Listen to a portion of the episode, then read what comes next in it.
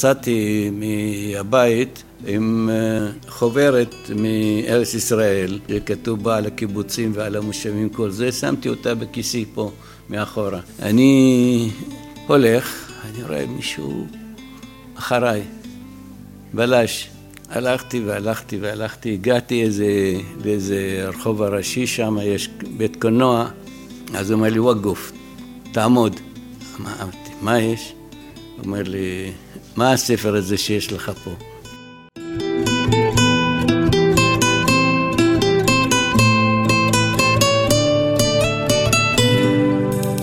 פגישה אישית עם עופר שמיר.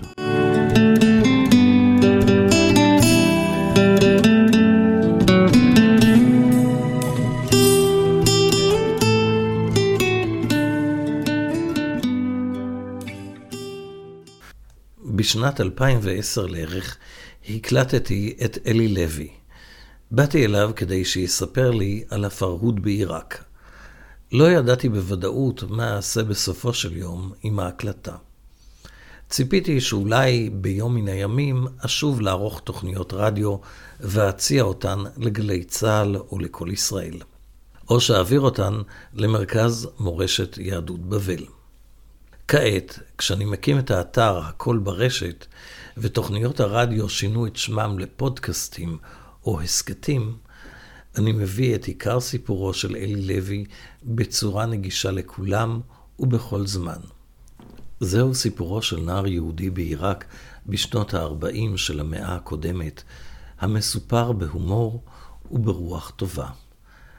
אלי לוי נולד בשנת 1933 כאליהו ברוך לאוי. תקופת הפרהוד הייתי בן שמונה. מה שאני זוכר, בשנת 41' הייתה מהפכה בעיראק, מהפכה נאצית. המלך, שהיה קטין עוד, יש לו גם בחסות של הדוד שלו, הם אה, לקח אותו וברחו לצפון, אצל הכורדים. הבריטים היו בעיראק, היה להם בסיס חיל האוויר בחבניה. זה קרוב לסוריה וירדן, הבסיס הזה של חיל האוויר. אז אה, באותו יום, זה היה חג השבועות אצלנו, אני זוכר שהיינו יושבים בבית קפה חסן.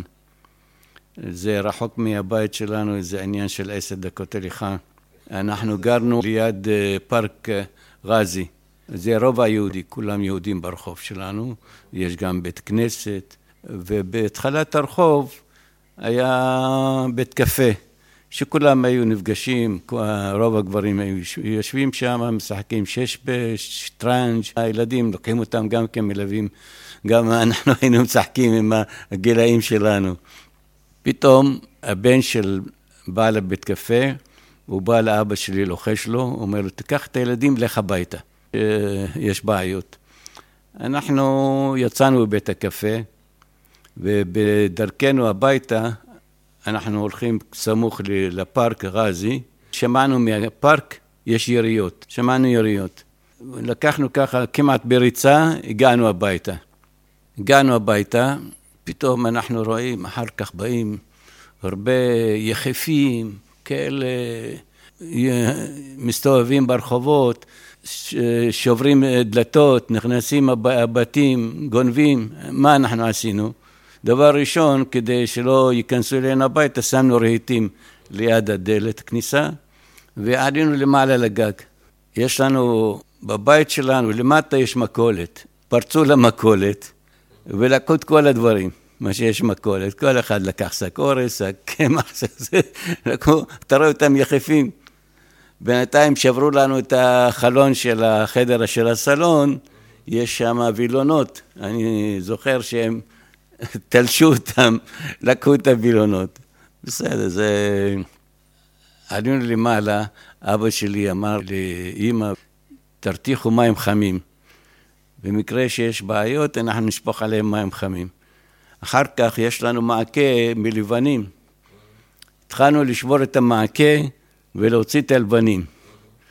אז ראינו שהם באים, רוצים עוד לפרוץ את המכולת, את הקיר, להיכנס אלינו דרך המכולת, אז זרקנו עליהם לבנים. אז איך שהם ברחו. בינתיים יש בפינת הרחוב בית של נוצרים. שהוא היה קצין בתחנת המשטרה, לא רחוק מהמקום, ופרצו לבית שלו, רקנו אותו, הכל הוציאו מהבית. אז אה, בצורה כזו ראינו את כל הזה, הולכים ברחוב, זה, מה, מה נעשה, כן? נשארנו בבית. זה היה בערב שבועות. ערב או מוצאי? ערב, אה, לא מוצאי, ערב, ערב שבועות זה היה. בדרך כלל היינו הולכים לבית הכנסת, לא הלכנו לבית הכנסת, היינו, היינו בבית קפה. למחרת העסק הזה ממשיך. אבא הוא עובד בחברת חשמל, צריך לנסוע לעבודה. אני לומד בית ספר יהודי, כמובן זה סגור היה. הוא היה צריך ללכת לעבודה, למרות היה עובד בשבתות וזה, בחברת חשמל, היה מנהל חשבונות, לא הלך לעבודה מכיוון שהכל היה מסוכן. התיישבנו בבית, כל יום החג, ראינו שקבוצות רצות, רצות, רצות, קבוצות של יחפים רובם, כן? אספסוף, אספסוף, כן. פורסים ונכנסים, פשוט היה פחד, יש להם פגיונים, זה כל מיני דברים בידיים. זה מה שאנחנו ראינו, לא יצאנו מהבית, למחרת זה עבר כל יום.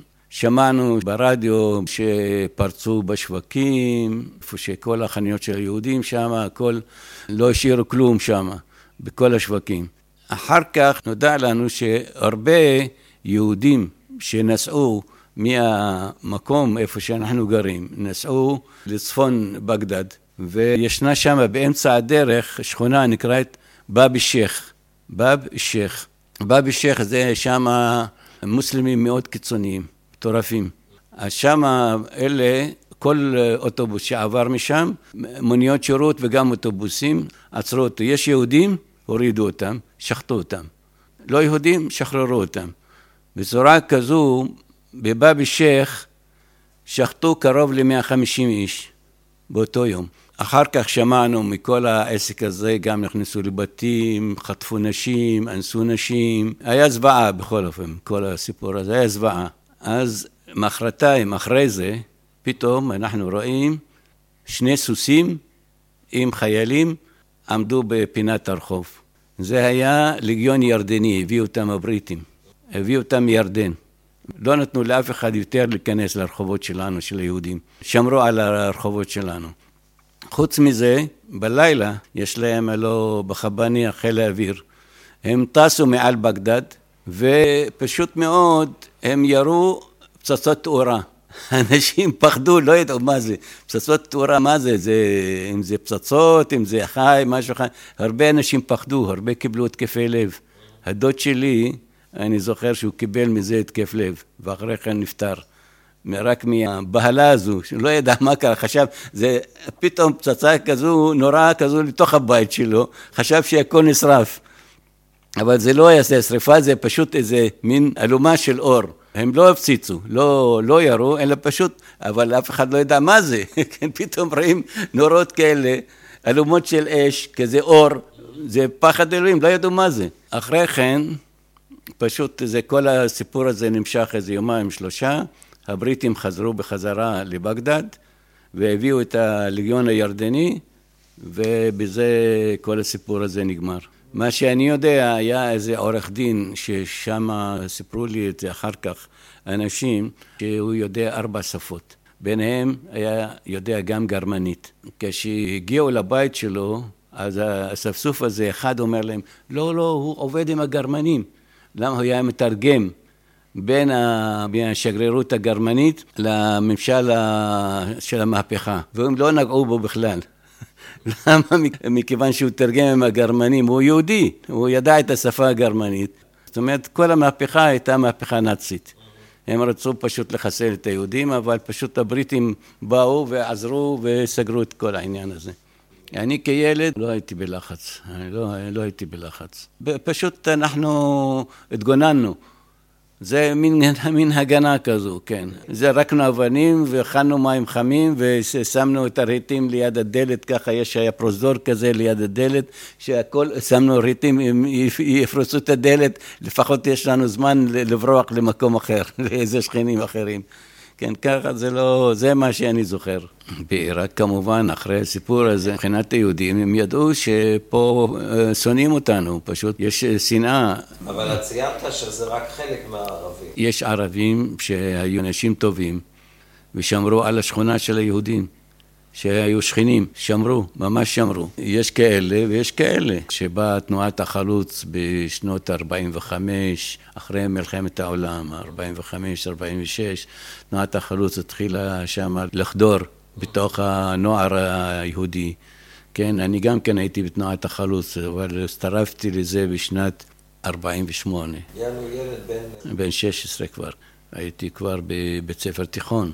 והיינו לנו קבוצה של אה, שישה איש, שאנחנו למדנו גם עברית, וכמובן הכניסו את התודעה הזו שאנחנו צריכים לעלות ארצה ולעזוב את עיראק, וכמובן אני דחקתי בהורים שלי שאנחנו צריכים לעזוב, לא להישאר שם, בשנת 51. אבל לפני זה, אחותי הייתה יותר צעירה ממני בשנתיים, שלחתי אותה עם הדודה שלנו, היא נסעה לפנינו. שלחתי אותה יחד איתם. איך היא נסעה? אה, זה לגאלי כבר היה, כבר לגאלי. העיקר להוציא מישהו מהמשפחה שיהיו פה, אז ככה שלאבא שלי היה מתנגד. למה? הוא היה לו חבר אחד שהוא עבד באוצר המדינה, והוא היה לו עוד קשר עם ראש הקהילה. השתנה, היה שם הרב כדורי עזב, היה מישהו אחר, שם טוב קוראים לו. וקיבל אה, אינפורמציה שמי שבא לפה לארץ, הם הולכים להיות באוהלים.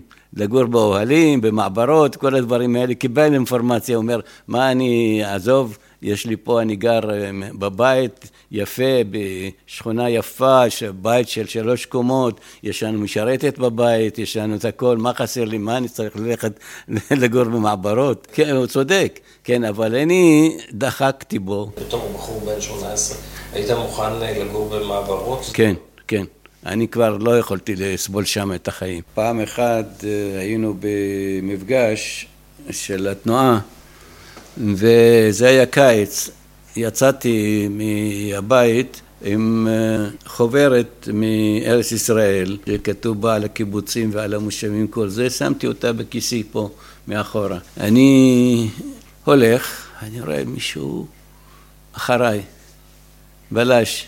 הלכתי והלכתי והלכתי, הגעתי איזה, באיזה רחוב הראשי, שם יש בית קולנוע רזי, אז הוא אומר לי, וואגוף, תעמוד, כן? אמרתי, מה יש? הוא אומר לי, מה הספר הזה שיש לך פה? הוא אומר, אתה לא רואה? זה ספר באנגלית, כן? אז הוא מסתכל פה, הוא לא יודע אנגלית, כנראה. הוא אומר לי, טוב, קח את הספר, לך הביתה. ככה אומר, מי שתופסו אותו בזמנו עם ספר כזה בעברית, וידעו שזה עברית, וזה, זאת אומרת, זה של התנועה ושל קיבוצים, ישר לקחו אותו לבית הסוהר באבו גרייב. אבו גרייב שם, יש כמה חברים שלי שנתפסו, לקחו אותם ישר לשם, כמה שנים ישבו שם בבית הסוהר הזה, בית הסוהר הגרוע ביותר בבגדד. אז ניצלתי ממנו בצורה כזו. יום אחד, הייתי בגיל אה, כמה זה, בגיל גם כן 16, משהו כזה, בנו בית קולנוע חדש, לא רחוק מהבית שלנו. ואמרתי, אין לי מה לעשות, היית בקיץ, חופשת קיץ, הלכתי לטייל, הגעתי לבית הקולנוע הזה. דר סלאם קוראים לו. הגעתי לשם, מצאתי טלפון ציבורי, זה לא היה לנו טלפונים בבית. הרמתי טלפון, דיברתי עם אבא שלי. האקסנט שלנו, היהודים, זה קצת שונה מהערבים.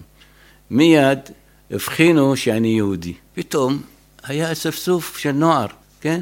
יהודי, יהודי, יהודי, יהודי, יהודי. אז מה, מה קרה עוד מעט? אני ראיתי שהם יתחילו להרביץ לי, כן? זה, אני בין איזה עשרה נוערים כאלה, אז מה עשיתי? דבר ראשון, לקחתי את הגב שלי לתוך הקיר, עמדתי, והרמתי לבנה, היה עוד לבנים שם, הרמתי לבנה. אמרתי, מי שיתקרב אליי, דמו בראשו. אז אני רואה, מתקרבים, מתקרבים, הם רוצים להרביץ לי, פשוט יהודי לבד, וזה שכונה מוסלמית, כן? לקחתי את האבן, זרקתי על מישהו שהתקרב אליי, קרוב ככה, איזה מטר אחד, בראש שלו, והוא נפל, נפל. אני, הם התחילו לטפל בו, התחילו לטפל בו. אני בינתיים התחלתי לברוח. התחלתי לברוח, לא מהרחוב הראשי, מהסמטאות. והגעתי בריצה לבית הדוד שלי, שם בשכונה נקראת סינג. הגעתי שם. איזה שעתיים, שלוש, לא יכולתי לדבר, כי הייתי בהלם, בתוך ריצה כזו. טוב, מפחיד, כן, אני לא יודע מה קרה לנער הזה. שם לא הייתה תקשורת, לא ידעתי אם זו נפצע, אם זה מת, אם זה חי, לא יודע. אבל אני יודע שנתתי לו בראש, אני בטוח שהוא כבר איננו. לא יודע, אין לי מושג מה קרה. זה מה שאנחנו היינו נתקלים תמיד. אה, היה שם, שהיינו הולכים לבית הספר, בבוקר, פתאום יש שם ליד הפארק, רזי. אני מגיע לפארק, אני רואה שם עמודי תלייה, זה חמש, שש עמודי תלייה, תולים את השישה אנשים. מה אלה, אני שואל? זה הייתי בן חמש, שש עשרה ככה. אומרים לי, אלה קומוניסטים. תלו אותם. זה פהד, היה ראש התנועה הקומוניסטית. פהד ועוד זה שישה אנשים, אתה רואה אותם תלויים, ששמים אותם כמה שעות על העמודים, שאנשים יראו ויראו.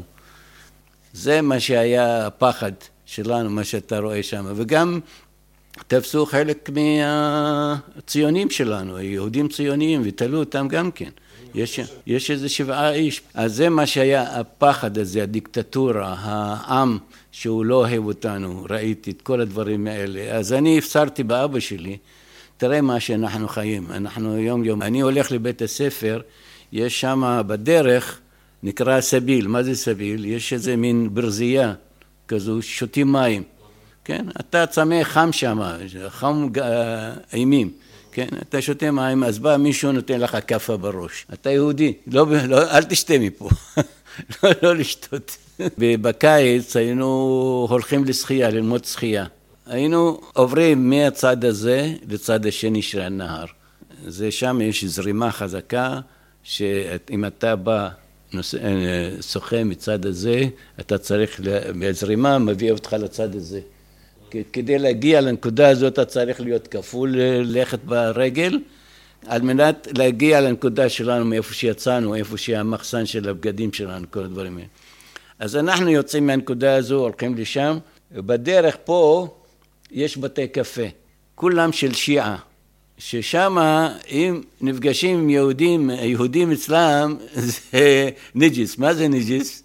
מלוכלך, יהודי מלוכלך, נחשב אצלם. אם אתה מבקש מהם מים ויודעים שאתה יהודי, זאת אומרת הם צריכים לזרוק אותו. כן? ואתה מקבל, מקבל מכות. איך אתה מעז לבקש מהשיעה, אתה מבין? זה השיעים. אז אה, אם אתה יוצא בצורה כזו ונוסע, אתה צמא בדרך, אתה רוצה לשתות, אתה נכנס לבתי קפה שם, אתה מקבל צ'פחה. אתה מבין מה שקורה? כן? אז נתקענו בכל מיני תופעות כאלה, שזה, אמרתי לו, אני לא יכול לחיות פה. אתה רוצה להישאר פה, תישאר, אבל אני לא יכול לחיות פה. הוא עובד ממשלתי, הוא מנהל חשבונות של חברת החשמל. אז הוא, אם הוא שלילת נתינות, אם אה, יעשו לו, תוך חודש ימים הוא צריך לעזוב. אז בסוף העלייה כמעט, זה היה בשנת 51, בסוף העלייה, אז הוא הלך ושלל נתינות. שאלה, כששוללים נתינות, אז הם אה, תוך חודש ימים מוצאים אותו, הוא לא יקבל פנסיה, אין לו זכויות, אין לו כלום, הבית שלנו לקחו אותו, כן, אה, אני לא יכולים למכור אותו, רק נותנים לנו לכל בן אדם חמישים דינר. חמישים דינר זה היה פה, הדינר שלהם זה סטר, זה כמו שלושה דולרים היה פה. הערך שלו, זאת אומרת כאילו 150 דולר כל אחד הביא איתו. בערכים של אז, כן. כשבאנו לפה אז היו בעיות עם המעברה, נתנו לנו פרדס חנה, אז אמרו פרדס חנה זה לא זה, אני יודע, אחר כך נתנו לנו ראשון, בסוף עשינו מין תרגיל כזה, כאילו איבדנו את התעודות, נתחיל מחדש, עד שבא מישהו שמכירים אותו בקריית אונו, והביא לנו אישור שיש מקומות בקריית אונו, קריית אונו הייתה סגורה, המעברה הזו. קיבלנו אישור לקריית אונו, זה מישהו מהמשפחה, הוא היה מנהל את המעברה פה. באנו לקריית אונו, מחפשים עבודה. אין עבודה, אז לא היו עבודות. בסופו של אומר, איפה הבאת אותי? התחיל לקלל אותי, אבא שלי התחיל לקלל אותי. מה עשית לי? איך אני נחיה פה? כן? אני עם שישה ילדים, איך נחיה פה? ואתה באיזה מספר מתוך השישה? אני הבכור הייתי. אחותי שעלתה קודם, היא הייתה בקיבוץ להבות הבשן, אז נשארנו אותה שם. בסופו של דבר התחלנו איכשהו לעבוד, אני שלחו אותי, כשבאתי מפה, אני יודע עברית, כל זה, שלחו אותי לבית ברל, ללמוד שם מדריך נוער. כן, אחי התחיל גם כן לעבוד, ואחר כך יצאתי משם עבדתי בשלושה מושבים בתור מדריך נוער בפרוזור ירושלים, זה מושב מצליח, פדיה ועזריה, כל יומיים באיזה מושב, הייתי בשבוע, בשבוע כל יומיים באיזה מושב. זה העבודה שלי, זה עבדתי איזה שנתיים בתור מדריך. אחרי כן נרשמתי בלשכת העבודה, נתנו לי עבודה בבית חולים תל השומר. אז עבדתי בבית חולים תל השומר, אחרי כן התקדמתי בתל השומר, הלכתי ללמוד גם אה, משפטים, שלוש שנים משפטים למדתי, לא, אני לא עורך דין.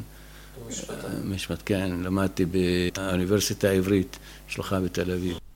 אלי לוי מתגורר ברמת גן, עבד רוב שנותיו בשירות הציבורי, היה בין מקימי בית החולים וולפסון בחולון, ולאחר פרישתו עסק בביטוח.